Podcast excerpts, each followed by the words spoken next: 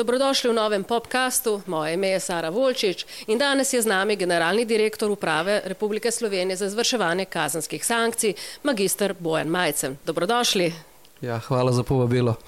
Z veseljem.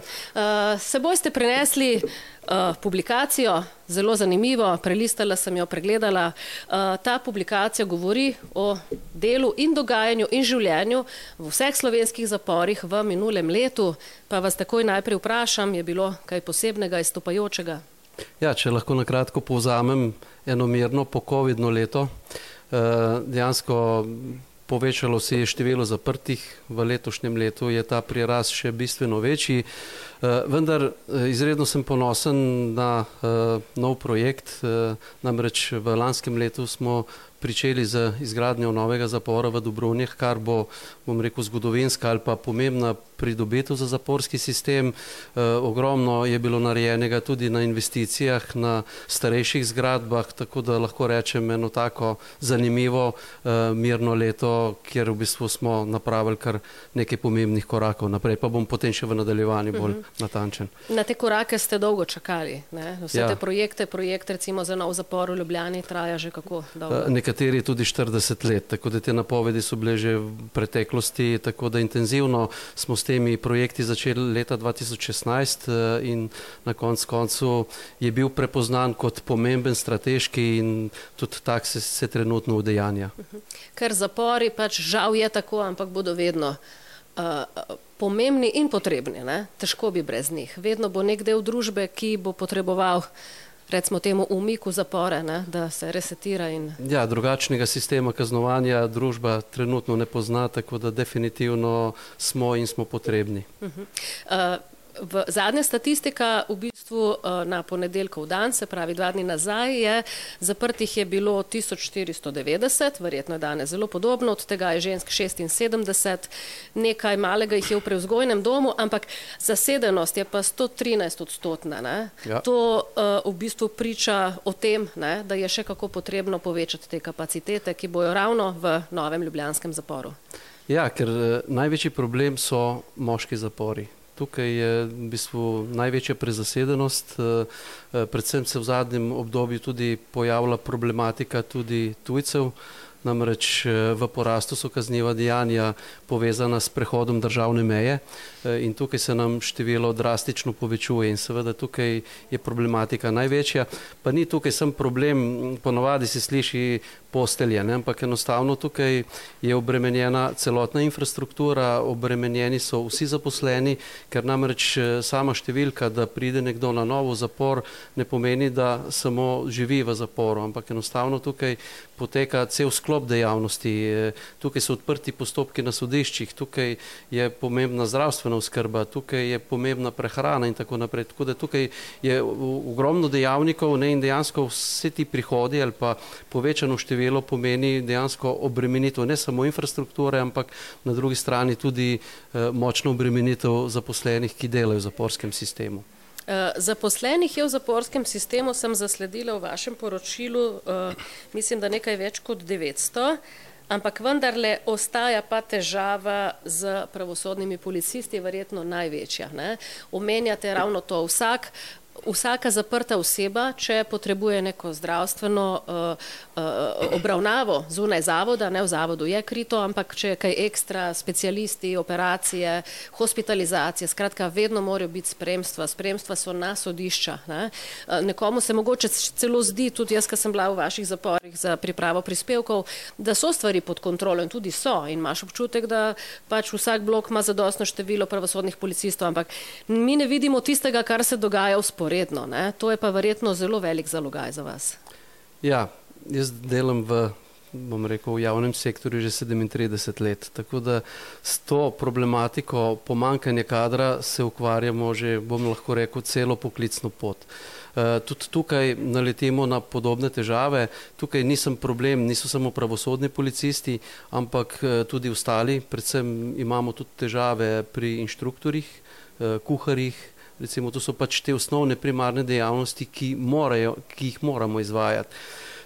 Kar se pa tiče pravosodnih policistov oziroma nasploh zaposlenih, v lanskem letu smo na novo zaposlili 58 novih sodelavcev, odšlo jih je 51 iz takih in drugačnih razlogov, tukaj so upokojitve, odhodi na druga delovna mesta, tako da še vedno smo v pozitivnem, bom rekel, pozitivni bilanci na nek način, vendar kljub temu, ne, eh, kot sem že prej omenil, število zaprtih narašča, število nalog narašča in to je pač ta primarni problem. In seveda pač nagovarjamo in iščemo nove zaposlene, dejansko pa pač delimo trenutno, v bistvu tako kot vse ostali javni sektor, eh, težave take in drugačne, pripravlja se nov plačni sistem. Vemo, da mladi danes razmišljajo popolnoma drugače. Zelo pomembna je tudi nagrada in na nek način se tudi mi obetamo, da v bistvu s prenovo plačnega sistema, da bomo tudi mi dejansko za trg delovne sile bolj zanimivi. Trenutno pa dejansko je tukaj ponudba in povpraševanje, tako da je ponudba je večja kot povpraševanje strani zaposlenih, tako da se tukaj nekje lovimo in pač eh, nagovarjamo in iščemo nove ljudi. Ampak vendarle v lanskem letu sem bila, ste imeli pač za prisego, mislim, da jih je bilo okoli 20 ali še več novih pravosodnih policistov, eh, policistov med njimi tudi. Uh, pripadnic, uh, bom rekla, ženskega spola. Uh, zdelo se je, da so navdušeni nad tem poklicom poklicem, kaj je tisto, kar jih pritegne, kaj je tisto, kar oseba lahko v tem sistemu dobi. Mogoče, če tudi skozi svoj primer. Vi ste pri, pri, prestopili iz vrst policistov, vi ste bili mhm, pač, ste delali najprej kot policista. Ne? Ja, če bi zdaj recimo šla med v osnovno šolo in poprašala, kdo bi se odločil za delo v zaporu, verjetno ne bi nihče dvignil roke. Ne. Tudi jaz osebno, ne, moja pot je začela v policiji, kadetski šoli, skratka, šel sem skozi celo karjerno pot do eh, na zadnje komandirja policijske postaje in na nek način eh, so me vzgojili. V bistvu, in jaz verjetno bi še danes upravljal delo v policiji, če se ne bi zgodilo zgolj na ključje, tudi povabilo. Čeprav sem že na nek način tudi eh, v policiji spoznaval zaporski sistem, vendar skozi druge oči, skozi drugo prizmo, namreč raziskoval sem določena kazniva dejanja, ki so se v zaporskem okolju dogajala.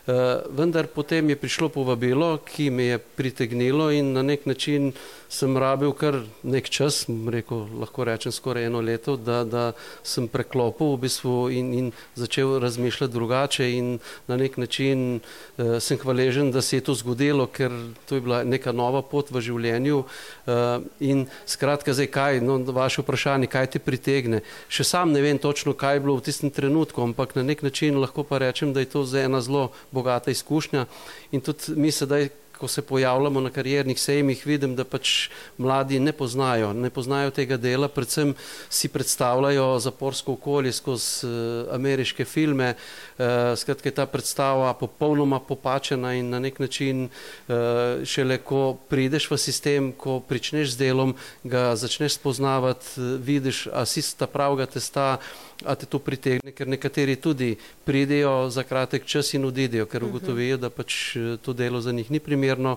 Eh, hvala Bogu, pa večina teh, ki pride, eh, se dejansko uživi in na nek način želi to delo početi naprej, ker eh, kaj je tukaj še pomembno? Pomembno je to, da je tukaj možna karjerna rast. Ne? Enostavno pridejo tudi ljudje z visoko izobrazbo na delovno mesto s peto, s peto stopnjo in na nek način tudi karjerno rasti lahko zelo hitro, ker nekdo, če dobro dela, ga opaziš in na nek način mu daš priložnost, da pride tudi lahko v drugo službo, eh, raste po nazivih eh, in tako naprej. Tako da tukaj so možnosti zelo, bom rekel, heterogene in tako da lahko nekdo zelo, bom rekel, zraste tudi eh, poklicno tudi plača verjetno raste potem s tem. Ne? Se pravi, v bistvu uh, ne, nekako, če si priden, ne, tako kot nekako z, z obsojenci. Če so pridni, če spoštujejo pravila, napredujejo in imajo vedno več bonitet. Verjetno...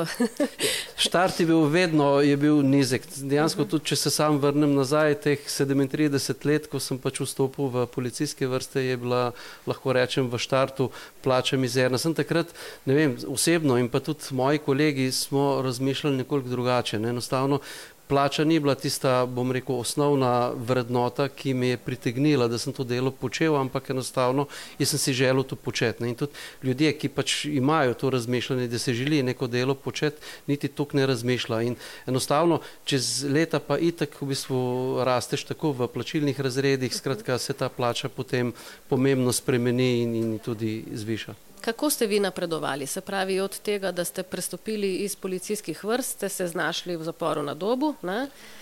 Ja, jaz sem takrat eh, pričel delati kot vodja oddelka za varnost, po domače rečemo poveljnik. V bistvu to pomeni, da sem prevzel, eh, bom rekel, vodenje eh, varnosti v največjem zaporu.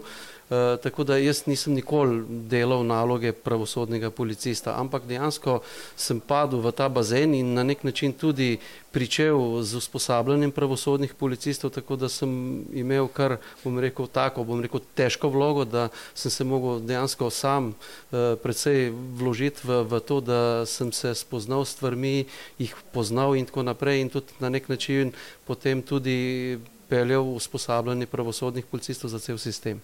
Omenili ste prej, ne, da dejansko ljudje imajo predstavo, kaj se dogaja v zaporih. Po nanizankah številne so, ne, to zdaj dan današnji. In v teh nanizankah pogosto pravosodni policisti so, bom rekla, včasih celo bolj nasilni od obsojencev samih, veliko je pretepan, veliko je nekih obračunov. A je v resnici res tako? Ne, ne. Dejansko, če povzameva tudi eh, letno poročilo. Ne. Uporaba sile je bila, če se prav spomnim, v 120 primerih eh, uporabljena. Eh, če to razdelimo na 365 dni, ki jih ima leto, pa na vseh 14 lokacij, kjer izvajamo dejavnost, že same številke povejo, da tega je malo. Dejansko glavno orožje pravosodnih policistov je še vedno komunikacija, primerna komunikacija. Temu polagamo zelo, bom rekel, veliko truda eh, že v samem usposabljanju in pa ne nazadnje tudi pri analizi dogodkov, ki se zgodijo. Vsak primer še posebej analiziramo, pa ne, da zdaj iščemo grešnega kozla, ampak na nek način, da pomagamo, da se kakšna, eh, bom rekel, primer dobre prakse uporabi tudi v drugih postopkih ali pa primere slabe prakse probamo izkoreniti, pa da se ne zgodijo ponovno ravno na enak način. Tako da komunikacija je tisto glavno. Ne? Tudi sam procent eh, problematičnih eh, obsojencev če, ali pa bom rekel zapornikov, če sem bolj splošen, ne, eh, sploh ni ogromen. Ne? Tukaj govorimo pod desetimi procenti, s tistimi, ki imamo, bom rekel, ki nas bolj obremenjuje. Ne, tudi ta uporaba sile v 120 primerih, če bi podrobno analizirali, bi ugotovili, da je bilo pri posameznikih uporabljena večkrat. Uh tako da tukaj ne govorimo o številki 120 eh, problematičnih obsojencev, kjer je mogla sila biti uporabljena. Kaj pa je ta sila, če smemo iti tako v podrobnosti? Ne? Kaj a, a, a, so bili to napadi na pravosodne policiste, če imate te podrobnosti sicer? Uh... Ja, v sedmih primerih so bili, ampak enostavno največkrat gre za nesoglasja med zaprtimi uh, in tukaj pride do intervencije in pri tej intervenciji Razumem. normalno, da se tudi nekdo obrne proti, pade kakšen udarec eh, nepotreben ali pa uh, tako da tukaj največkrat uporabljajo strokovne prijeme, tako da udarci strani pravosodnih policistov se niti ne spomnim, kdaj je bil na zadnje uporabljen, ampak predvsem strokovni prijemi, s katerim uh, obvladajo nasilno osebo in jo potem tudi uh, transportirajo oziroma odstranijo v tako imenovani posebni prostor, eh, kjer se tudi tak posameznik umiri. So to samice, kako jim reče včasih? Ne, to, niso, to dejansko imenujemo ga posebni prostor za izločitev, uh, kjer je dejansko namen ta, da, da se v tem uh mhm. -huh. prostoru umiri. To ni nastanitveni prostor, kjer bi nekdo živel, ampak dejansko dokler obstajajo razlogi namestitve. Se, ko se umiri, praktično gremo nazaj v uh mhm. -huh. klasično nastanitev. Ampak verjetno, če je pa nekdo tako zelo problematičen in agresiven, je pa potem nastanjen v samsko sobo, ne? v bistvu poskrbite za to. Ja, dejansko mi imenujemo 98. člen, dejansko to je kar v žargonu, ga imenujemo eh, namestitev v posebej varovani oddelek ali Aha. prostor, kakorkoli, pač vsak zavod je nekoliko eh, drugače organiziran, arhitekturno in pa tudi drugače, mhm. tako da to pomeni, da ga osamimo od ostalih in pa da dejansko to nevarnost teh napadov zmanjšamo. Mhm. To je prvi blok, recimo, ta znan na dobu. Ja, ne? poznate to, ja, tako da tam je tak prvi uh, delek. Ja. Je pa res, ne, to mogoče javnost tudi ne ve. Vi ne da morate poskrbeti za to, da neka oseba, ki je obsojena ali v priporu, da ostane v zaporu, da iz njega ne pobegne, da je družba varna pred to osebo, ne okolikor pač je nevarna, ampak tudi obsojence morate varovati. Ne? Nekdo, ki je vam zaupan, morate njega varovati, da ga nek drug obsojenec ne poškoduje, ne napade. Tako da delo ni samo držati obsojence za ogrado, ampak tudi poskrbeti, da stvari za to ogrado potekajo varno, zakonito, učinkovito. Ne? Zelo lepo ste naslovili. Ja, dejansko mi moramo zagotoviti varno okolje za zaposlene, za zaprte in za javnost oziroma za družbo. Eh, in to je včasih zelo težko, ker enostavno dejansko to subkulturno delovanje med njimi je, je zelo, bom rekel, učinkovito in tudi, veste, recimo v skupinski sobi, ne, ko dejansko umaknemo nekoga, ki, ki ga prepoznamo kot nasilnega, ne, Eh, čez dva dni je že v njegovi vlogi lahko nekdo drug ne? in je to zelo težko, zato je dejansko pomembna ta arhitekturna sprememba in tudi dejansko v Evropi gremo dejansko vsi po isti poti, ne? Eh, samske sobe in pa dejansko možnost, da gre v skupino in da se tudi iz skupine umakne ven. Dejansko je ta vzorc, jaz sem ga opazoval že na dobo, 2011 smo odprli dva nova oddelka eh, in se še dobro spomnim, eh, ker sem na nedomski skupini, kjer je sedelo sto obsojencev, naj sem jih vprašal, eh, kdo bi bil pripravljen kot eksperiment eh, preživljati čas v novih oddelkih. Kaj mislite, koliko jih je dvignilo roko? Ne vem. Ene, dva. Skratka, jih je bilo strah. Ne? In tudi enostavno smo potem tudi ugotovili, da, da je tukaj dejansko ta manevr za izvajanje nasilja nad čepkejšim bistveno manjši, ker uh, vsi javni prostori, če jih tako imenujem, uh, so pod uh, kamerami, tako da je možen pregled in ugotoviti, kaj se je dogajalo. Ne?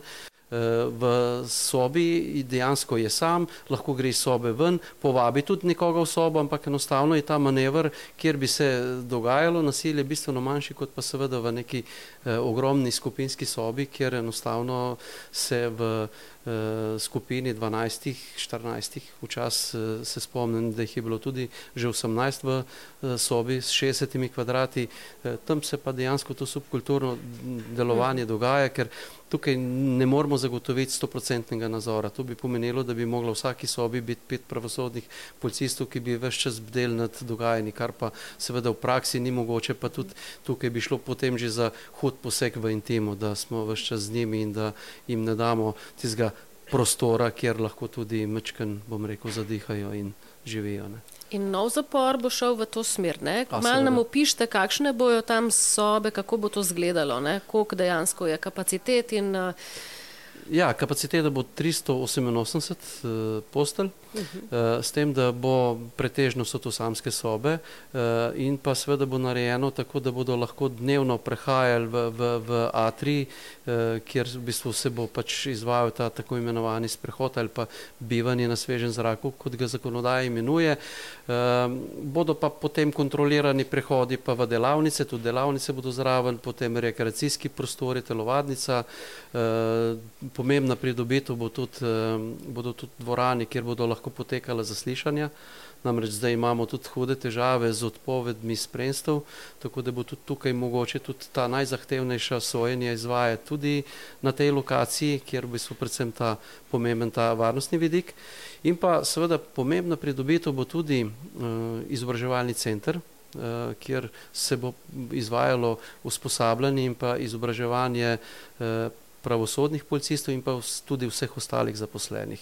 Namreč usporedno s tem projektom pripravljamo tudi projekt akademije, kjer dejansko želimo uh, dvigati stopno izobrazbe na šesto stopno. Zdaj smo še v dilemi, ali bo to više šola ali bo to nacionalna poklicna kvalifikacija. Ravno v tem trenutku tudi uh, pripravljamo zakonodajne nastavke, tako da pripravlja se novela zakona o izvrševanju kazenskih sankcij, tako da bomo tudi še pred poletjem se opredelili do tega in tudi tukaj delamo, kar lahko rečem, strateško, zgodovinsko pomembne korake. Je, zelo lepo.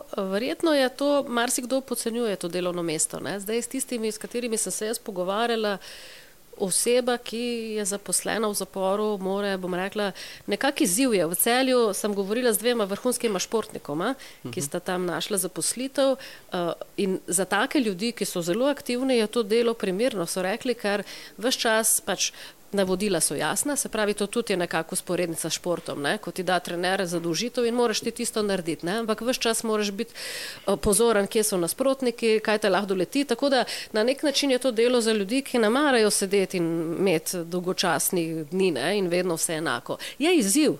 Na nek način. Ne? Ja, se, če ste me prej pozorno poslušali, dejansko v sistem prihajajo ljudje, ki si želijo to delo upravljati za kateri ni pomembna plača, ampak si želijo to upravljati. Ne. Imamo tudi en primer, sicer so redki, ampak je ne, eh, doktor znanosti, ki se je pač zaposlil na peti stopni izobrazbe ne, in tudi ta v bistvu, je pač fascinanten primer. On si želi to delo upravljati. In normalno, da pač mhm. tudi bo prosperiral, če seveda se bodo stvari poklopile. Uh, so ljudje, ki pridejo upravljati to delo zaradi plače, zelo različni izzive mhm. imajo ljudje pred sabo, tako kot v vseh ostalih poklicih in dejavnostih. Res pa je, ne, da gre za specifičen poklic, da tukaj uh, velja hierarhija, da tukaj veljajo pravila. Ne. Najpomembnejša pri tem poklicu pa seveda je integriteta. Dejansko poštenost, eh, eh, tudi eh, enostavno tudi zaprte osebe to zelo hitro ugotovijo, z kašnega testa kdo je, ker vsazga od nas nas ocenjujejo in tako naprej in je zelo pomembno, kakšna sporočila in signale daješ. In če dejansko to, ta poklic upravljaš rad in v bistvu, da te tudi okolica na tak način prepozna, v bistvu sploh nimaš težav in ga lahko zelo korektno in dobro upravljaš. Ker oni vas ocenjujejo ne, in tako kot ste rekli, sem govorila tudi z ljudmi, ki so obsojeni zaradi umora ne, ali pa večkratnih umorov, oni zelo vajo, če, ste, če so zaposleni korektni, do njih bojo oni tudi nazaj. Ne, tako da nekako ni, da obračunavajo v zaporih. Ne. Ne, ne. Uh, Mislim, tudi svojo izkušnjo lahko povem. Ne, sicer res nisem delal kot pravosodni policist, ampak dejansko sem se ogromno gibal po, po zaprtem delu doba in tudi uh, domske skupine, kjer pride lahko tudi do sto zaprtih. Dejansko sem bil tudi včasih sam z njimi uh, v tem prostoru in je povsem normalna komunikacija potekala, tudi razumejo, ko jim rečeš ne. Uh, seveda, če ga znaš obrazložiti in razložiti, tako da na nek način eh, tabuji, ne, da zdaj vsi čakajo in da, da hodijo zaposleni v skafandrih z neprebojnimi jopiči po zaporu, to je popolnoma nepotrebno. Res je, da se tudi znajdejo, da so posamezniki, ki so nevarni, seveda za tiste je pa popolnoma drugačen tretma. Eh, že prej sem omenil to namestitev v posebej varovani oddelek, take izoliramo in pa seveda tudi določimo protokole, kako se z njimi ravna. Pretežni del zaprtih pa dejansko se da dost normalno z njimi eh, komunicirati in praktično je beseda glavno orožje, ki ga uporabljamo z njimi. Mislim, da je 16 takšnih trenutno, ki prestaja 30-letno zaporno kazen. Uh, to je verjetno uh, velik izziv na eni strani, ne? Imeti osebo 30 let nekako zaprto v neki ustanovi, vseeno jim moraš nekaj ponuditi, jo motivirati, ne, da, da ne bo padla v neko depresijo, ali vi morate tudi jih varovati pred samo poškodbami, samomori. Uh, pa me zanima, ali so vedno tako vsa javnost misli, ne? nekdo, ki je zakrivil najhujše kaznivo dejanje, recimo umor, dobi najvišjo kazen in ta je najbolj problematičen tudi v zaporu. Je res vedno tako? Ne, ne, daleč od tega. Ne. Eh, res je to, kar ste v začetku omenila. Ne. Tudi sam sem si takrat postavil vprašanje, kako bo tekla obravnava. Namreč, eh, eh, ko je prišlo do prve tri izrečene 30-letne kazni, smo tudi mi, rekel strokovni delavci in pa vodstveni delavci, se spraševali, kako, kako bo ta obravnava potekala, Ker kako sploh bil... začeti eh, in tako naprej. Uh, in enostavno sem se tudi takrat sam, bom rekel, spraševal, ne, kdo bo tisti eh, junak, ki se bo upal uh, tega posameznika ali pa posameznike spustiti iz zapora na, na, na proste izhode, eventualno pogojni odpust in tako naprej. Ne. Uh, vendar zdaj leč od tega, da so zdaj pa ti, vsi ti posamezniki med najbolj problematičnimi. Ne? Včasih se zgodi, da nekdo pride prestajati bistveno krajšo kazen, pa praktično je lahko bolj problematičen ali pa zahteven obsojenec od teh. Ne? Res pa je, da pri teh dolgih kaznih enostavno mi se že od začetka ne moremo pogovarjati in načrtovati zunaj zavodske ugodnosti, ampak dejansko moramo začeti z majhnimi koraki, predvsem pri teh pomembnih je pomembno, da na nek način napravijo reset v svoji glavi in na nek način si zastavijo življenje popolnoma drugače. Tukaj rabi ogromno strokovne pomoči, psiholoških pogovorov, skratka, veseliti se morajo ponovno mehkih uspehov, začne se z obiski, začne se dejansko z delom, začne se z izobraževanjem, tako da praktično okupirajo vse ta čas na povsem drugačen način nekako morajo si ustvariti no, novo življenje Tako v je. majhnem. Ne? Kdor ja. tega ne naredi, verjetno uh, težko pride iz zapora drugačen. Nekako, brez zelo, tega reseta, kot ste rekli, ne gre. Ne?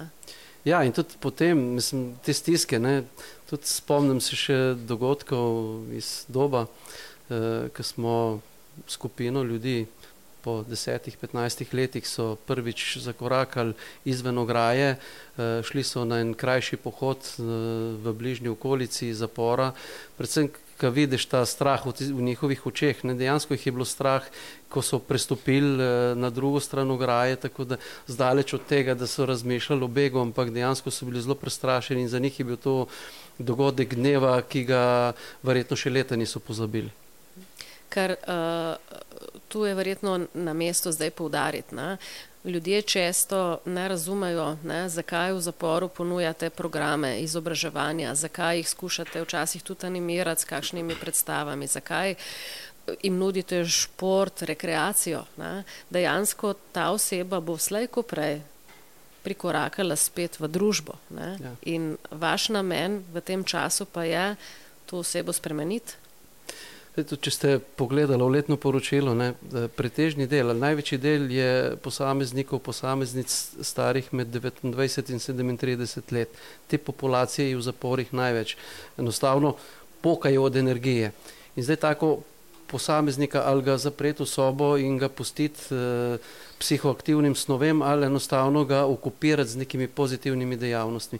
Mi dejansko mislimo, da je ta druga možnost bistveno boljša, da jih držimo v formi, da pozabijo na slabe stvari in da praktično imajo čas za razmislek eh, tudi o svojih napakah v življenju in pa seveda želimo v bistvu graditi na to, da pridejo ven iz zapora boljši državljani in takrat je to naše poslanstvo tudi na nek način zaključeno in seveda sem zelo vesel tudi, ker zunaj po letih, desetletjih srečaš nekoga, pristopi do tebe, te pozdravi in dejansko ti pove, da je začel novo življenje in se ti zahvali.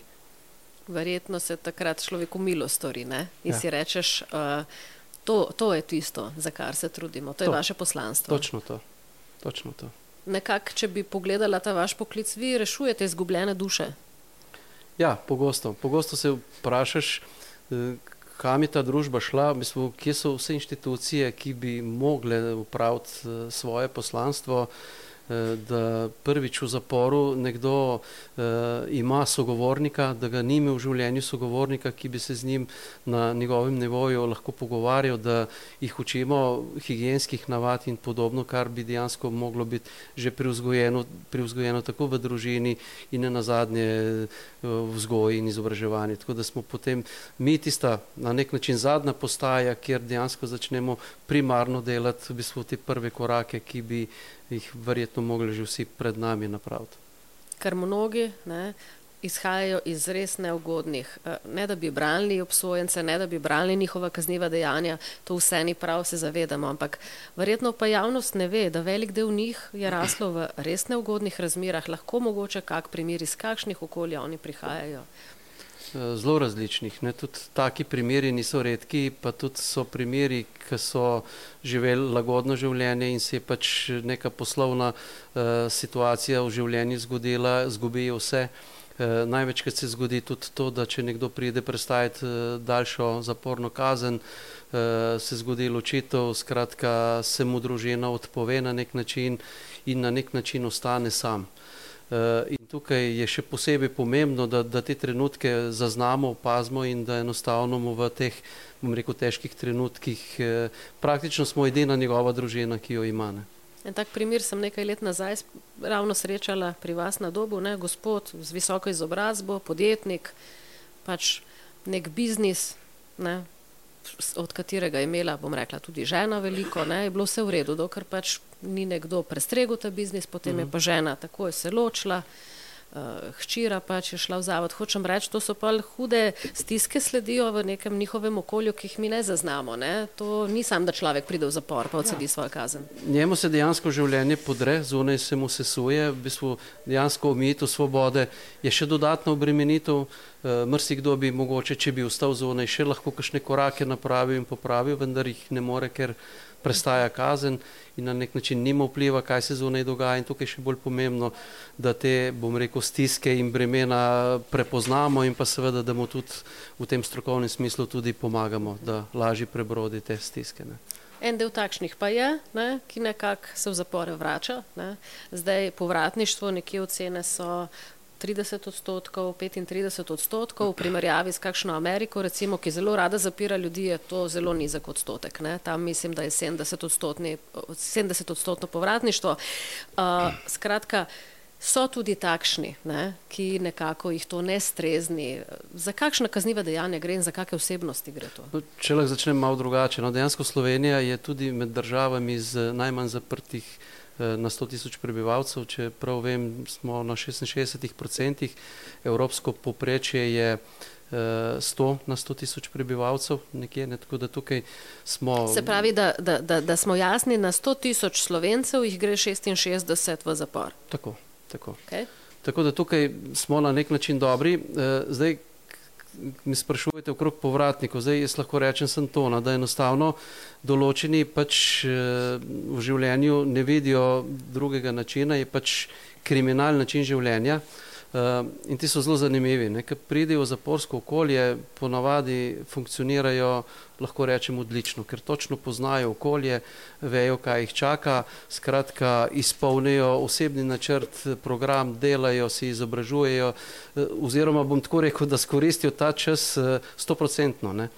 Uh, in enostavno, vendar, ko se pač vrnijo nazaj v okolje, uh, počnejo, se vrnijo na stara pota. Uh, zdaj nekatere v bistvu potem so nekoliko bolj previdni, ker tudi že zelo dobro poznajo kazenski zakonik, delovanje policije, delovanje, bom rekel, tega državnega ustroja in tako naprej. Vendar se jim ponovno zalomi in se vrnijo nazaj. Ampak tako kot ste že napovedala, je ta procent, lahko rečem, razmeroma nizek. Tako da govorimo v 30 odstotkih, eh, lahko v bistvu Uh, tudi dejansko, če bi širše pogledala, tudi v evropskem merilu, ne, uh, vsaka država v bistvu to povratništvo nekako tretira na svoj način. Ne. Uh mhm. -huh. Recimo v nekaterih državah, uh, če po dveh letih se ne vrnejo v zapor, ni več povratnik in tako naprej. Uh, mi dejansko, naša statistika, v bistvu lahko govorimo o tem, da vsi tisti, ki so zunaj, uh, ki so storili kaznivo dejanje, prestajali kazni, se ponovno vrnejo na prestajanje kazni, to so za nas povratniki razen seveda, če je bila kazen že rehabilitirana, izbris in tako naprej, takrat govorimo, da je prvič nastopil kazen. Tako da tem, bom rekel, fenomenu verjetno se ne bomo mogli nikoli izogniti, mm -hmm. tako da to se je in se bo dogajalo tudi v prihodnje, tako da lahko jim svetujemo, vendar pomagamo na poti, ampak eh, -huh. da bi pa preprečili, da se to ne bo zgodilo, pa verjetno ga ni, ga ni strokovnjaka, ki bi to lahko naredil. Ne. Verjetno so to kakšna premoženska kazniva dejanja bolj, ne? kje je največje povratništvo, ali je to tudi v povezavi z zlorabo recimo prepovedanih drog? Oba momenta, dejansko, pre, tudi, tudi eh, dejansko premoženskih kaznjivih dejanj je tudi največ oziroma največji mhm. prestaja kazen zaradi tega. Ne. Uh, v zadnjem obdobju pa močan porast tudi kaznjivih dejanj prehoda drž, čez državno mejo. Zdaj, tukaj dejansko imamo uh, zaprte iz 60 različnih tujih držav, tako da tukaj veliko je kar tujcev. Velika, veliko tujcev, ne, enostavno, kjer je pa potem še težje, ne, na nek način prihajajo z drugih kulturnih območij, tudi tukaj je, bom rekel, ta resocializacijski moment bistveno težji. Barijera je že tako ali tako jezik uh, na nek način, pa tudi ne vemo o njegovi preteklosti veliko in pa na nek način tudi po prestani kazni eh, praviloma zapustijo državo, tako da odidejo nazaj tam, kjer so tudi prišli. Ne. Verjetno tudi resocializacija je težko izvedljiva, če je nekdo notri leto, leto pa pol dve leti.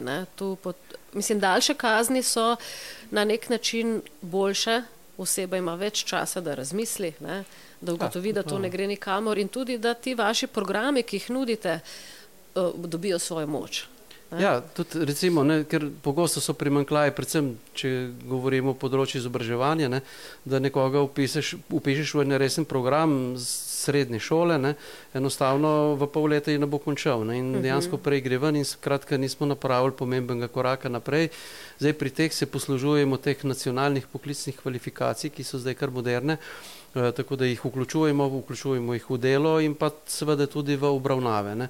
Eh, seveda možno je tudi, če gre za pogojni odpust, da ga potem tudi vključimo v kakšne zunanje inštitucije, predvsem tam, kjer se dotikamo obravnav, psiholoških obravnav uh -huh. in tako naprej, tako da jim pomagamo lahko tudi na tak način. Pa seveda tukaj tudi eh, zelo dobro sodelujemo z novo nastalo probacijo, uh -huh. nov organ v sestavi, ki se ukvarja dejansko s populacijo, ki v bistvu prestaja kazen.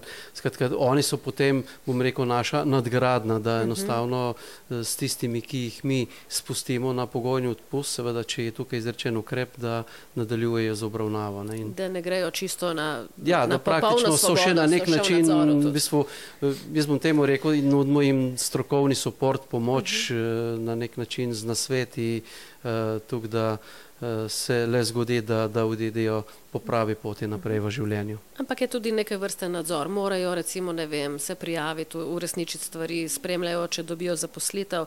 Zdaj... Vse to je najtežje. Ne? Dejansko, ja. ko nekomu postaviš pravila, dvakrat na teden se moraš nekaj javiti, to je za nekoga že velik stres in breme, ampak na nek način to je pač tisto, da, da usmislijo in da mhm. enostavno se držijo pravil. Ko to usvojiš, potem ti tudi vse ostalo v življenju lažje. In vem, da ne odstopajo. Ti sestanki so določeni, so obvezni. Vem za enega vašega ja. bivšega obsojenca, uh, ko je dobil službo v mislim, da v Murski soboti in je mogel iti v Ljubljano, vzeti fraj ja. dan z vlakom, se javiti na probaciji, tako kot je bilo dogovorjeno ob tisti uri. Ne? Tako da tu vem, da so stvari jasno postavljene, ni, uh, ni nekih uh, odstopanj. Uh, tako in popuščanj. Uh, zdaj smo se dotaknili malo zaposlitve. Vi dejansko v zaporu, uh, v, vse, kar počne obsojenec v zaporu, je prostovoljno. Ni, ni prisilnega dela, ni prisilnega šolanja. Ne?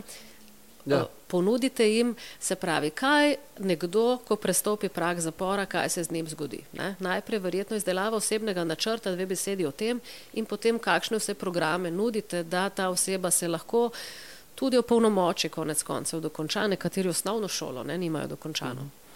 Ja, seveda, ta prvo se moramo spoznati. Tako on dejansko seznanimo ga s hišnim redom, eh, dejansko tudi preštudiramo eh, vso dokumentacijo, ki pride, nekdo pride iz pripora, nekdo pride na prestajanje kazni iz svobode. Tako, v prvi fazi ugotovimo v bistvu vse pomembna dejstva, no in potem se mu pač dodeli, mi rečemo nosilc primera, pedagog. Eh, ki z njim tudi potem načrtuje vse aktivnosti, ki se bodo v nadaljevanju dogajale. Predvsem pomembno že v prvi fazi je namestitev, zdaj ali bo nameščen nekdo v zaprti režim ali bo eh, nameščen v svobodnejši režim in pa potem pač vsa ta vsebina, ne? vse te težave, ki jih je sabo v tem nahrbtniku prinesel, Uh, v bistvu nekateri prihajajo z nedokončano izobrazbo, z osnovno šolo, pridejo tudi nepismeni. Uh, in potem uh, pride s težavam, z odvisnostjo. Skratka, vse to so pomembni dejavniki, kjer se načrtujejo vključitve, delo, izobraževanje in pa obravnave. Uh, in ta sklop potem se tudi ocenjuje, kako potem mhm. poteka napredek ne, v, bistvu v času prestajanja kazni. In ta končni akt je potem ali pogojni predčasni odpust ali pa dejansko v bistvu, da pač prestane kazen v celoti, vkolikor tega osebnega načrta ne izvaja. To je na nek način pogodba, no, bom rekel, med eh, zavodom in pa njim. Ne. Kako je z šolanjem? Se pravi, tisti, ki nimajo končane osnovne šole, lahko to dokončajo. Sveda. Nepismene, imate pač tudi programe ne, za opismenjevanje, ne, da se naučijo pisati, kar je dejansko na nek način smešno ne, v današnjem času, da dobiš osebo, odraslo, ne, polnoletno, ja, ki ne zna ja. pisati. No, to je brezplačno, mislim, potem pa tudi lahko rečem, da v naslednjih letih 24, 25, 26, 27 uh, bomo črpali evropska sredstva in en segment bo dejansko namenjen tudi izobraževanju zaprtih. Tako da tukaj bomo vse te aktivnosti še povečali, ker tudi sami ugotavljamo, da tukaj delamo lahko velike korake naprej, da gre za pomemben dejavnik, da tudi na nek način, da vsta manjko, ki ga je pridelal zunaj, tukaj nadoknadi in da se potem vrne ven in da enostavno ima boljše izhodišče za življenje po prestane kazni tudi, bom rekla, neko poklicno usposobljenost. Ne? Ja, Za ja. kakšne poklice se lahko oni uh, izobražujejo v zaporu? Raznovrstni. V bistvu, predvsem so tukaj kuhar na takar, v bistvu tukaj imamo poklicno srednjo šolo, uh, potem so pa tudi uh, uh, recimo nacionalne poklicne kvalifikacije, tukaj bi še posebej izpostavil negovalca, ki je trenutno zelo manjko tudi zunaj in pa na nek način Eh, in bomo probali tudi določene zaposlitve nuditi znotraj zapora še v tem času. Eh, tako da je tukaj zelo raznovrstno. Ne. Zidar, eh, skratka vse te poklicne sfere, ki v bistvu so ličarstvo. No? Vem, da mi je en obsojenec rekel, da bo avtoličar, ne, kar je tudi. Verjetno prevzgojni dom. Ne, ja, Radečak, mislim, da radeče. Tako, tako, tako, tam tako. imamo tudi to, ta del, ne druge ne, ne tako uh -huh. da mhm. tam pa smo tudi v ta. Se pravi, za negovalce ste omenili, je to že aktualno? To vem, da so. To je že aktualno. Ja. Se pravi, lahko se znotraj zapora potem šolajo tudi za ta poklic, ki je zelo ja, deficitaren. Ja, govorimo o poklicni kvalifikaciji, nacionalna poklicna ja, ja. kvalifikacija. Ja, ja. Vsekakor. Ampak vendarle ne, tu se zgodi, bom rekla, nek padec. Oni v zaporu se izobražujejo, šolajo se tudi pridejo recimo do nekega naziva poklicnega, ne, padec je velik, ne, te ljudi na prostost spremlja ne le, bom rekla, tisto potrdilo, ne, da pač, eh, ki ga ne more dobiti v nekaznovanosti, ampak ga spremlja tudi velika stigma. Ne. Zdaj, eh, to je težko delati eh, na nek način destigmatizacija. Ne, no, zdaj, pomemben korak tukaj je ta, da enostavno v bistvu certifikat, ki ga dobi, z tega ni razvedno, kje je to kvalifikacijo ali šolo upravil. Ne. Res pa je, da se potem sam odloči zunaj, ne, ali bo bodočemu delodajalcu zaupal, da prihaja iz zapora ali ne. ne. E, zdaj, kar pravite stigma, ne, e, mi tudi dejansko nimamo težav, kar nekaj obsojencev e, dela pri zunanjih delodajalcih. In lahko rečem, da tukaj nikoli do zdaj nismo imeli slabe izkušnje, da so bili tudi ti delodajalci navdušeni in da želijo dejansko več, eh, kot smo mi v stanju zagotoviti. Tako da ta stigma gotovo je, ne? ampak enostavno pri tistih, ki so preizkusili to našo delovno silo, seveda je razmišljanje posebno drugače. So nekako doumeli, ne? da tisti, Tako ki je. želi delati, bo tudi delal. Tudi znotraj zaporov zelo veliko ljudi dela. Uh, mi si mislimo, pač veliko se veste, imamo kak prispevek, pa so potem komentarji, da je to pač hotel pet zvezdic, all inclusive, pa ni čisto tako. Ne? Veliko del opravijo zaporniki sami, pa nam povejte, kje vse so vključeni ne? in uh, brez deleža ne? njihovega dela bi verjetno nobena kuhinja niti ne delovala, ker veliko jih je zaposlenih v kuhinjah. Ne? Zapor je svet v malem, ne? tako rekoč lahko rečem, da je to kar kot ena, ajt, ena država ne? na nek način.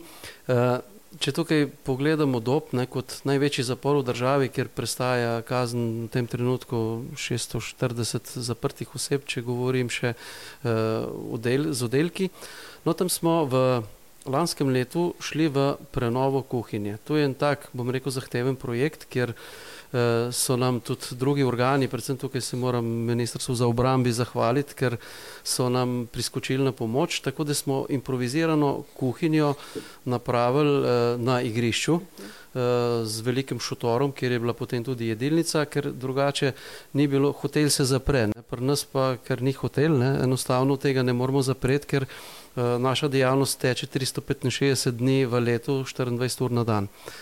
Eh, no in takrat smo napravili en, en, en, eno, bom rekel, simulacijo, če bi mi tiste štiri mesece, ko smo dejansko, ko je potekala ta prenova, bi eh, dejansko zapravili za to hrano prek 600 tisoč evrov. Približno tukaj je tudi stala ta investicija. Že to samo pove, kukenih prihrankov napravimo, če dejansko hrano pripravljamo sami.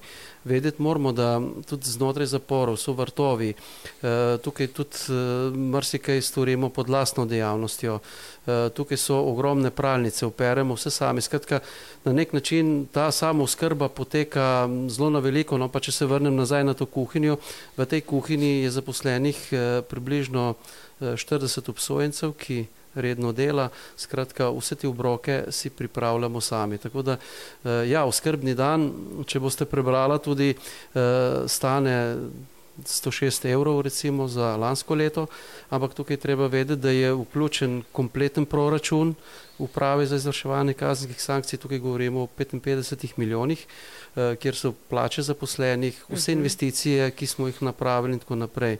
Eh, če bi dejansko vse to uskubili, pa bi ta dan bil oziroma bi ta znesek bil bistveno nižji, ker enostavno se tukaj, predvsem pri hrani, ki se v zadnjem obdobju še posebej draži, tukaj se da ogromno privrčevati in tudi na en tak način, eh, po katerem teče to pri nas, v bistvu uh, se da marsikaj privrčevati in zmanjšati stroške. Ne. Tudi pranje, recimo, ne, če bi to dejansko izvajala neka zunanja inštitucija in bi vse to plačevali po pogodbah, bi ti zneski bili enormni. Ne. Tako da na tak način, ko organiziramo delo in jih vključujemo in pa tudi na nek način tudi oni sami si želijo delati in uh -huh. uh, tudi se na nek način čutijo pomembne, če v bistvu sami tudi nekaj dejansko že vračajo družbi nazaj ne, na tak način ne dobijo pa prave plače. Ne? Čeprav so zelo zadovoljni za tisto nagrado, uh, so mi povedali, nekateri celo domov pošiljajo manjši delež tega, imajo za kakšne prigrizke, priboljške, v bistvu nagrada je simbolna, to ni plača.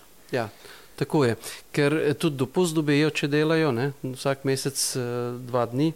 Uh, zdaj, formula vam ne znam povedati, uh -huh. na pamet sem si že parkrat poskušal naučiti. Kratka, je prav formula za izračun te nagrade. Ja, tle govorimo pač o zneskih 100 evrov, recimo, uh -huh. ali tudi kaj več. Ne?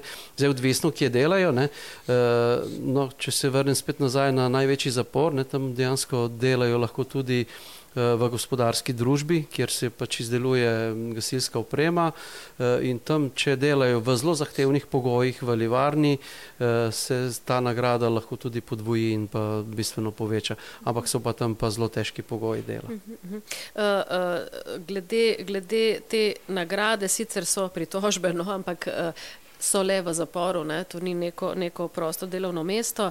Delajo pa veliko tudi tisti, recimo, ki ne morejo delati, jih pa imate v delovni terapiji, urejajo okolice, ampak če sem prav razumela, vsak od njih, tudi tisti, ki ne more ali ne želi delati, more dve uri na dan skrbeti za okolico. Skratka, neka pa, pa za svoje prostore. Ne? To ni, da samo ležiš pa gledaš v zrak. Ja, zdaj mečken mešava. Ja. Zdaj, eno je delovna terapija, eno je pa to pač dve urno delo, urejanje svoje okolice oziroma so sobe in tako naprej. Uh -huh. uh, dejansko vsi zaprti uh, gredo na medicino dela. Tam se tudi opredeli dela zmožnost, v bistvu, ali je primeren za delo v rednih pogojih ali ne, če je pač opredeljena delovna terapija, da pač ne, ne zmore tega, potem ga dejansko damo v delovno terapijo in tam tudi zato tudi dobi simbolno nagrado. Vkolikor pa eh, govorimo o teh dveh urah, ne, to pa dejansko je pač eh, zakon nalaga, da Hišni skrbi red. zase, za, za sobo, skratka, da jo pospravi.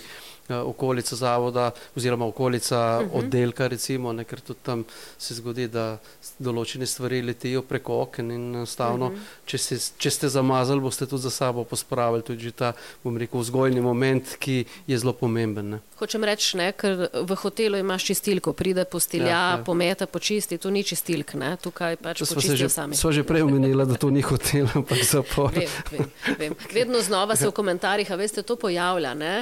Uh, vi verjetno s težavo ne, te komentarje poslušate. Konec koncev je veliko tistega, kar je izrečeno, neresnično, pa vendarle ustraja to. Kaj bi povedali?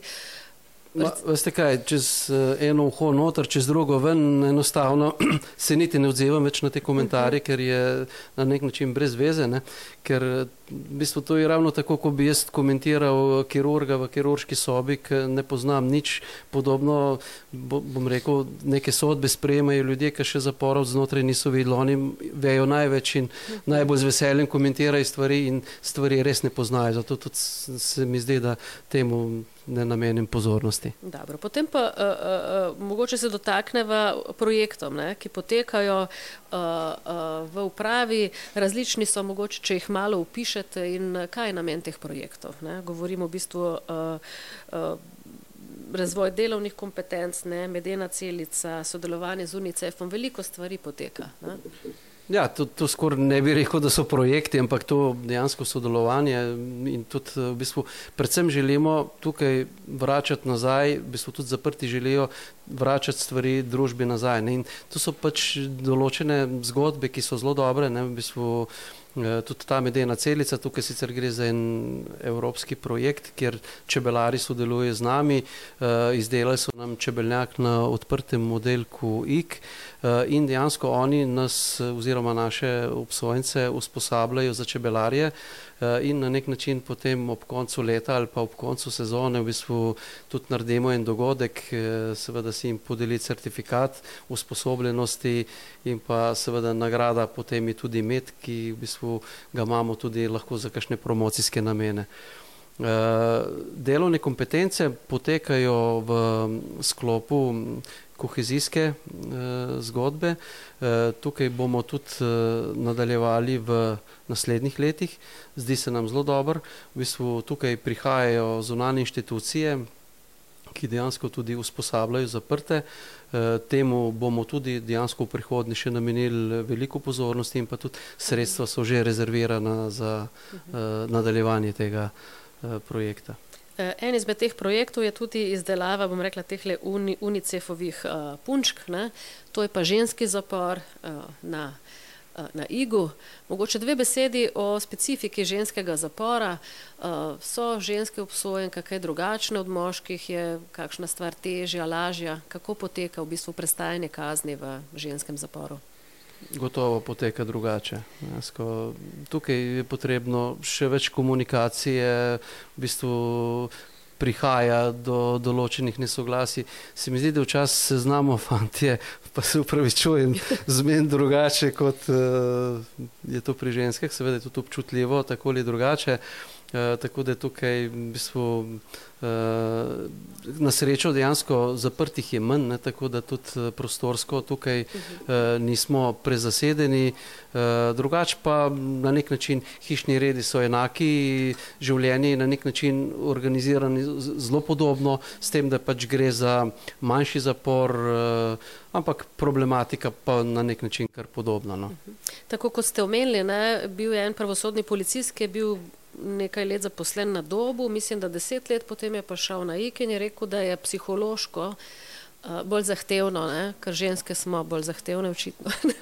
Veste, imeli ste pogovore. Ja, veliko je te. Um, Več komunikacije. Ja. Rekla, smo bolj zapletene. No, Tako kot sem že v štartu povedal. ja. uh, je pa res, da je bila letos tudi posebnost. Ja. Imeli ste celo tri dojenčke, zdaj ne vem, ja. če so ja. še gor. Ja. To je, uh, bom rekla, tako na nek način malo strašljivo, po, po drugi plati pa v bistvu lepa novica, ker vidiš, da v bistvu mati ne bo. Ne? Če je mati obsojena, mora v zapor in ne bo ločena od svojega otroka. Ne?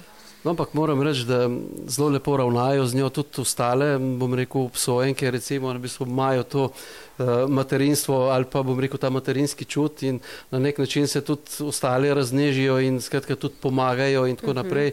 Tako da to so na nek način se je, če pogledam z tega aspekta, ja, otrok, dojenček v zaporu, ampak na nek način uh, v bistvu zelo lepo skrbijo za njega in se mi zdi, da je, uh -huh. da je vzdušje drugačno, no, kot pa če. Jaz zdaj, jaz zdaj ja. sem razumela še ne? drugače bili so trije. Ja, Mislim ja. pa, da je otrok lahko do prvega leta, izjemoma do drugega, tako da tudi ta otrok ne bo zaznamovan, ne, ker ne, ko si dojenček, je, bom rekla, nekako ne, ne prepoznaš. Ne? Tak, ja. Ja. Sem se pa sama prepričala, da je poskrbljeno, to je posebna soba, ne?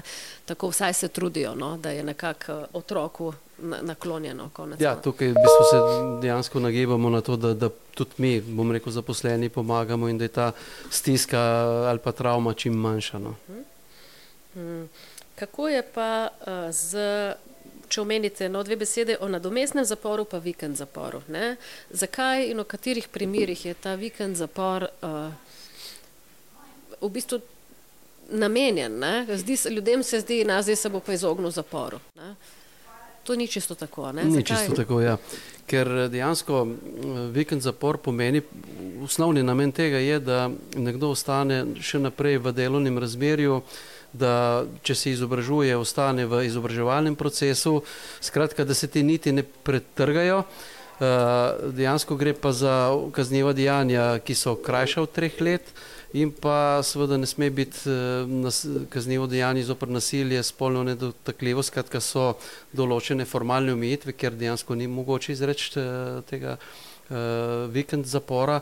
Dejansko pač ti ljudje dve noči preživijo v zaporu, pretežni del pa dejansko delajo so v delovnem razmerju. Vendar poudariti moram tukaj tudi to, da tudi v tem času, ko so zunaj, so na prestajanju kazni in seveda jih mi lahko z nadzori ugotavljamo, ali res stvar poteka tako, kot je bila dogovorjena na, na sodišču, ali v bistvu bi tukaj počel kar, karkoli drugega. Ker če se tukaj karkoli zalomi, da, da ga polomi, pa da ne izvaja za to, kar je zunaj, enostavno se potem spremeni lahko v klasično zaporno kazen in potem pride prestajati kazen. Tako da je breme, ni to tako enostavno, kot se mogoče nekomu zdi. Ne. Kaj pa to nadomestni zapor? Nadomestni zapor pa pomeni, da ni nekdo plačal denarne kazni in potem se dejansko ta denarna kazen spremeni v zaporno in potem odsluži na tak način, da s prestajanjem kazni. E, tukaj tudi določeni v bistvu že v času prestajanja kazni tudi to denarno kazen plačajo, skratka imajo še vedno to možnost, da, da stvar popravijo, določeni se pač odločijo in v bistvu jo na nek način odslužijo z zaporom. Ne. Ker določeni tudi nimajo denarja, ni samo, da ne bi hoteli. Tako, to so verjetno tudi zelo različne stiske. situacije. Tako. Ja, ja. Omenili ste v bistvu, da recimo na, na do, vikend zapor ne more biti oseba, ki je obsojena bila za določena kazniva dejanja. Omenili ste kazniva dejanja zoper spolno nedotakljivost ki se pa kazniva dejanja z tega področja se večajo. Ne. Zdaj tudi v, vzgojnem domu so me upozorili na to, ne, da je tudi pri mladih, to je verjetno zelo ena težka skupina obsojencev, težko je verjetno tudi delati z njo, plus omenjeno je tudi v poročilu, da so so obsojenci do njih ne ravno prijazno razpoloženi ne, in je tudi izziv za varovanje teh oseb. Ne.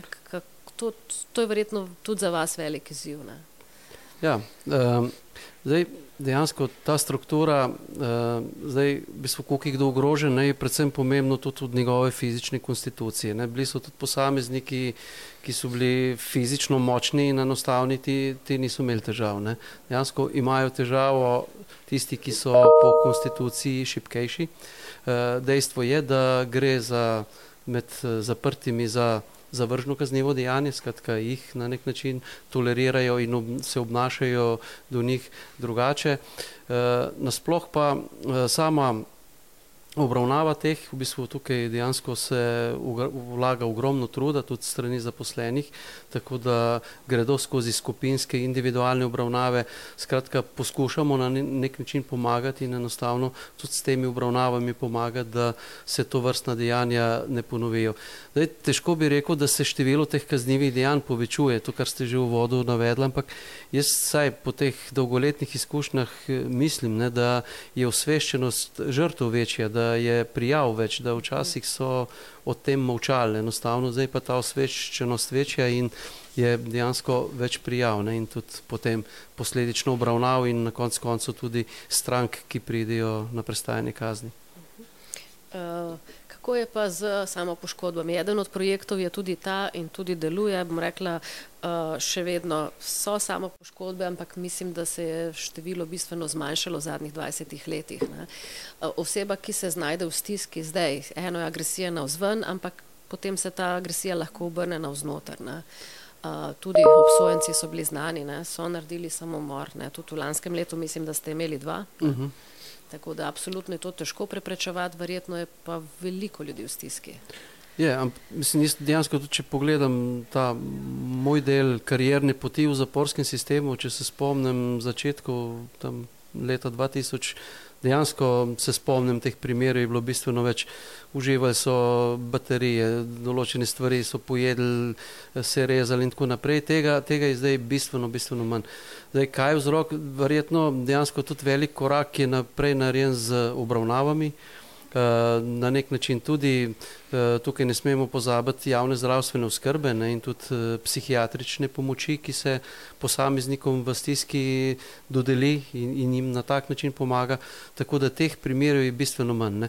Res je pa dejansko, da tukaj v bistvu smo upeti vsi zaposleni, praktično od eh, pravosodnega policista, ki lahko zazna, da se z nekom nekaj dogaja in to informacijo prenese naprej. In, se pristopi do njega, se ga povabi in se mu poskuša pomagati. Tako da tukaj mora funkcionirati cel sistem in to je po moje vzrok oziroma tudi posledica, da je teh dejanj manj, da znamo prepoznati uh, in da na nek način tudi znamo potem takim ljudem v stiski pomagati. Uh -huh.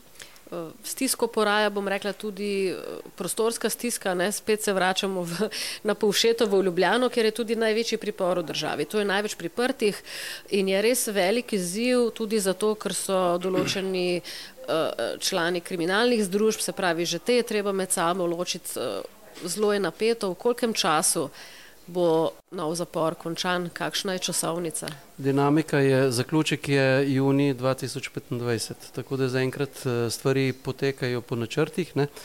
Ja, mislim, pa če se vrnem nazaj, ne, v bistvu pro, največkrat eh, nastopi težava ravno skupinska soba. Ne. Tukaj pač se ta dinamika subkulturna dogaja eh, in tudi tukaj so doživljali ogromne stiske. Se še spomnim teh mojih začetkov, ne, ker enostavno so določeni eh, počeli neka devijantna dejanja, zato da je prišel v posebej varovani oddelek. Ne.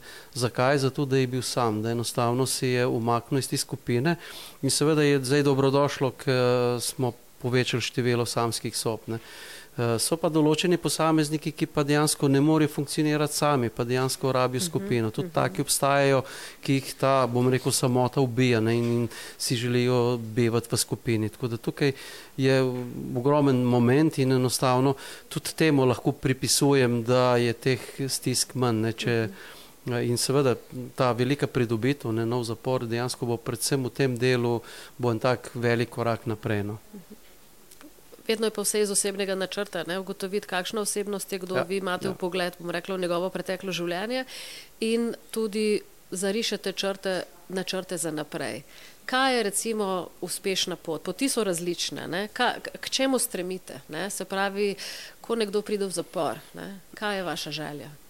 Mislim, tukaj ne bom govoril o nekem perfekcionizmu, ne, v bistvu enostavno vsak je posameznik zase, vsak je individualni. Predvsem je pomembno to, da, da pot, ki jo začrtamo, da se tudi izvede. Ker tukaj so usponi in paci. Predvsem, če govorimo pri obravnavi odvisnosti, ne, tukaj so pogosto spodrsljaji, ne, ampak enostavno mi več govorimo o tem penološkem optimizmu. Mi ne obupamo, ne, enostavno tudi če se mu, uh, tudi vedeli ste te uravnotežnostne kocke, ki točno to sporočilo dajo. Ne. Poskušaš ga večkrat sestaviti stolp in enkrat ti uspe, da ga dokončaš trikrat, štirikrat se ti poruši, ampak enostavno ne obupaš. Ne. Predvsem to je pomembno, da mi ne obupamo ne, in da enostavno mu kljub spodrslajem dejansko pomagamo in, in, in uh, ga poskušamo uh, usmerjati na pravo pot. Ne. Te ravnotežnostne kocke izdelujejo, mislim, da v zaporu v celju. Tudi na drugih tudi lokacijah. Tudi na drugih ja. lokacijah. Povejte nam, to obsojenci delajo iz lesa in jih v bistvu posvečate, oziroma kdo, za koga so narejene.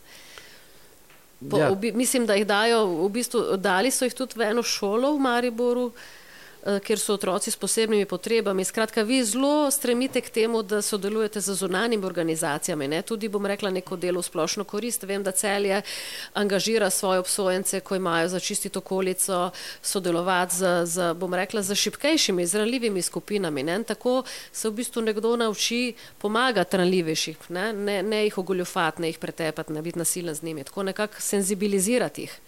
Ja, zdaj, če se vrnemo na te kocke. Uh, To je bil projekt, uh, oziroma projekt javni natečaj, kjer smo želeli v bistvu dobiti eno idejo o enem takem tipičnem zaporniškem izdelku. No in dejansko je ta kocka takrat uh, zmagala na tem natečaju uh, in v bistvu predvsem iz naslova gre za les kot en tak naraven material, izdelana je ročno, Eh, zraven je posvečena zgodba, to, kar sem že prej načel, ne, v bistvu, da so v življenju sponi in paci. Tudi eh, dejansko ta žakalček, ki pride zraven, v bistvu je tudi naš izdelek, skratka ga naredimo v, v ženskem zaporu, ga se šijejo. In mi smo se že v štartu zamislili, da to ne bo izdelek, ki ga bomo prodajali, ampak bo to izdelek, ki ga bomo donirali. In tudi tega se držimo in tako da vsako leto poiščemo neko mm, ranljivo skupino, eh, bodi si ranljivo ali pa šolo, skratka, bil je tudi klinični center, eh, -huh. Mhm. v bistvu pediatrija eh, in tako naprej. In vsako leto tam v bližino novega leta dejansko naredimo eno tako donacijo in enostavno vsi so tega izdelka veseli.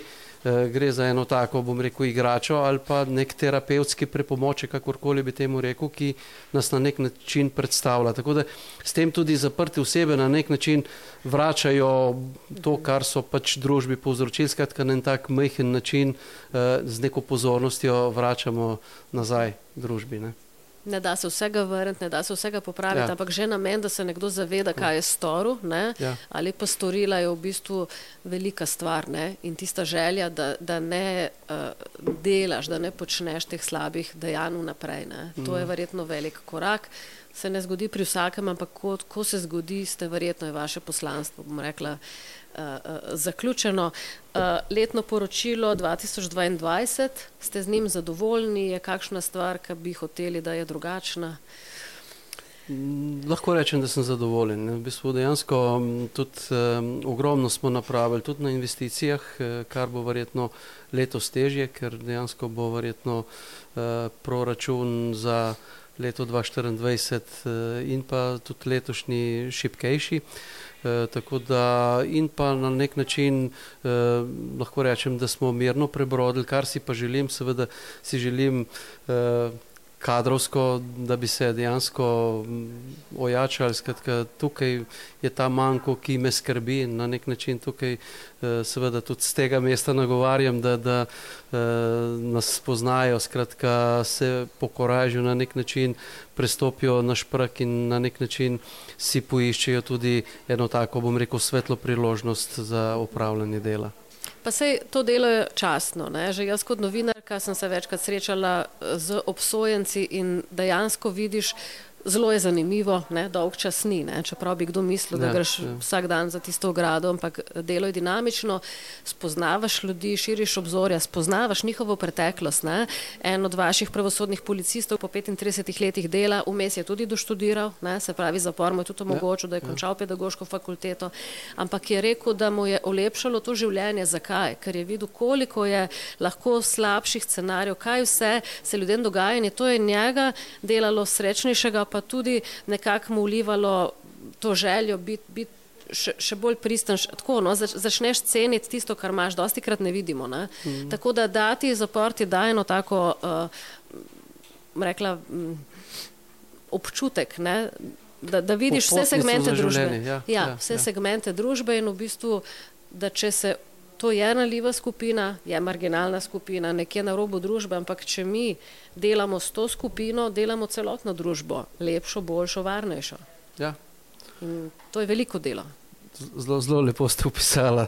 Točno to. Ne? Predvsem že prej, ko sem omenil, ne, da tisti, ki pridejo s to željo v zapor, da si želijo to dejavnost upravljati, tistih dolgoletnih kolega, sodelavcev, ki se še zdaj srečujeva. Ne, skratka, je bil en tistih, bom rekel, srčnih ljudi, ki je res ta poklic upravljal uh, z veseljem in praktično rad prihaja v službo in pa na nek način posameznik ima rad ljudi.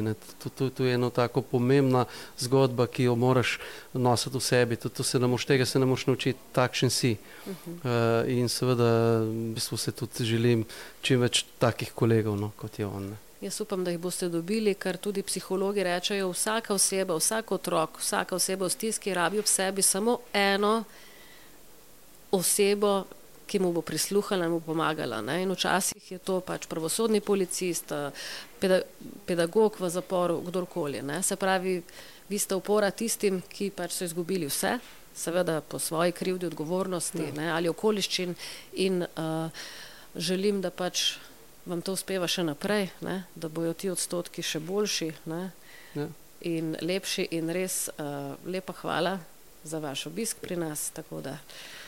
Eh, hvala tudi vam. Eh, zelo sem počaščen tudi in pa vesel, v bistvu, da se dobro poznava in tudi zelo sem vesel v bistvu, teh filmov, kratkih filmov, ki so bili filmčkov, kako karkoli bi ga imenoval, prispevkov, ki ste jih napravila. Dejansko se mi zdi, da uh, ste začeli tudi eh, mediji na nek pozitiven način predstavljati to zaporsko okolje, uh, ker je že čas, da se ta spremeni, da enostavno ne gledamo vse samo skozi te ameriške filme, ampak da se tudi te dobre zgodbe, ki se znotraj dogajajo, tudi na tak način predstavljajo širši javnosti. Tako da še enkrat tudi z moje strani velika hvala.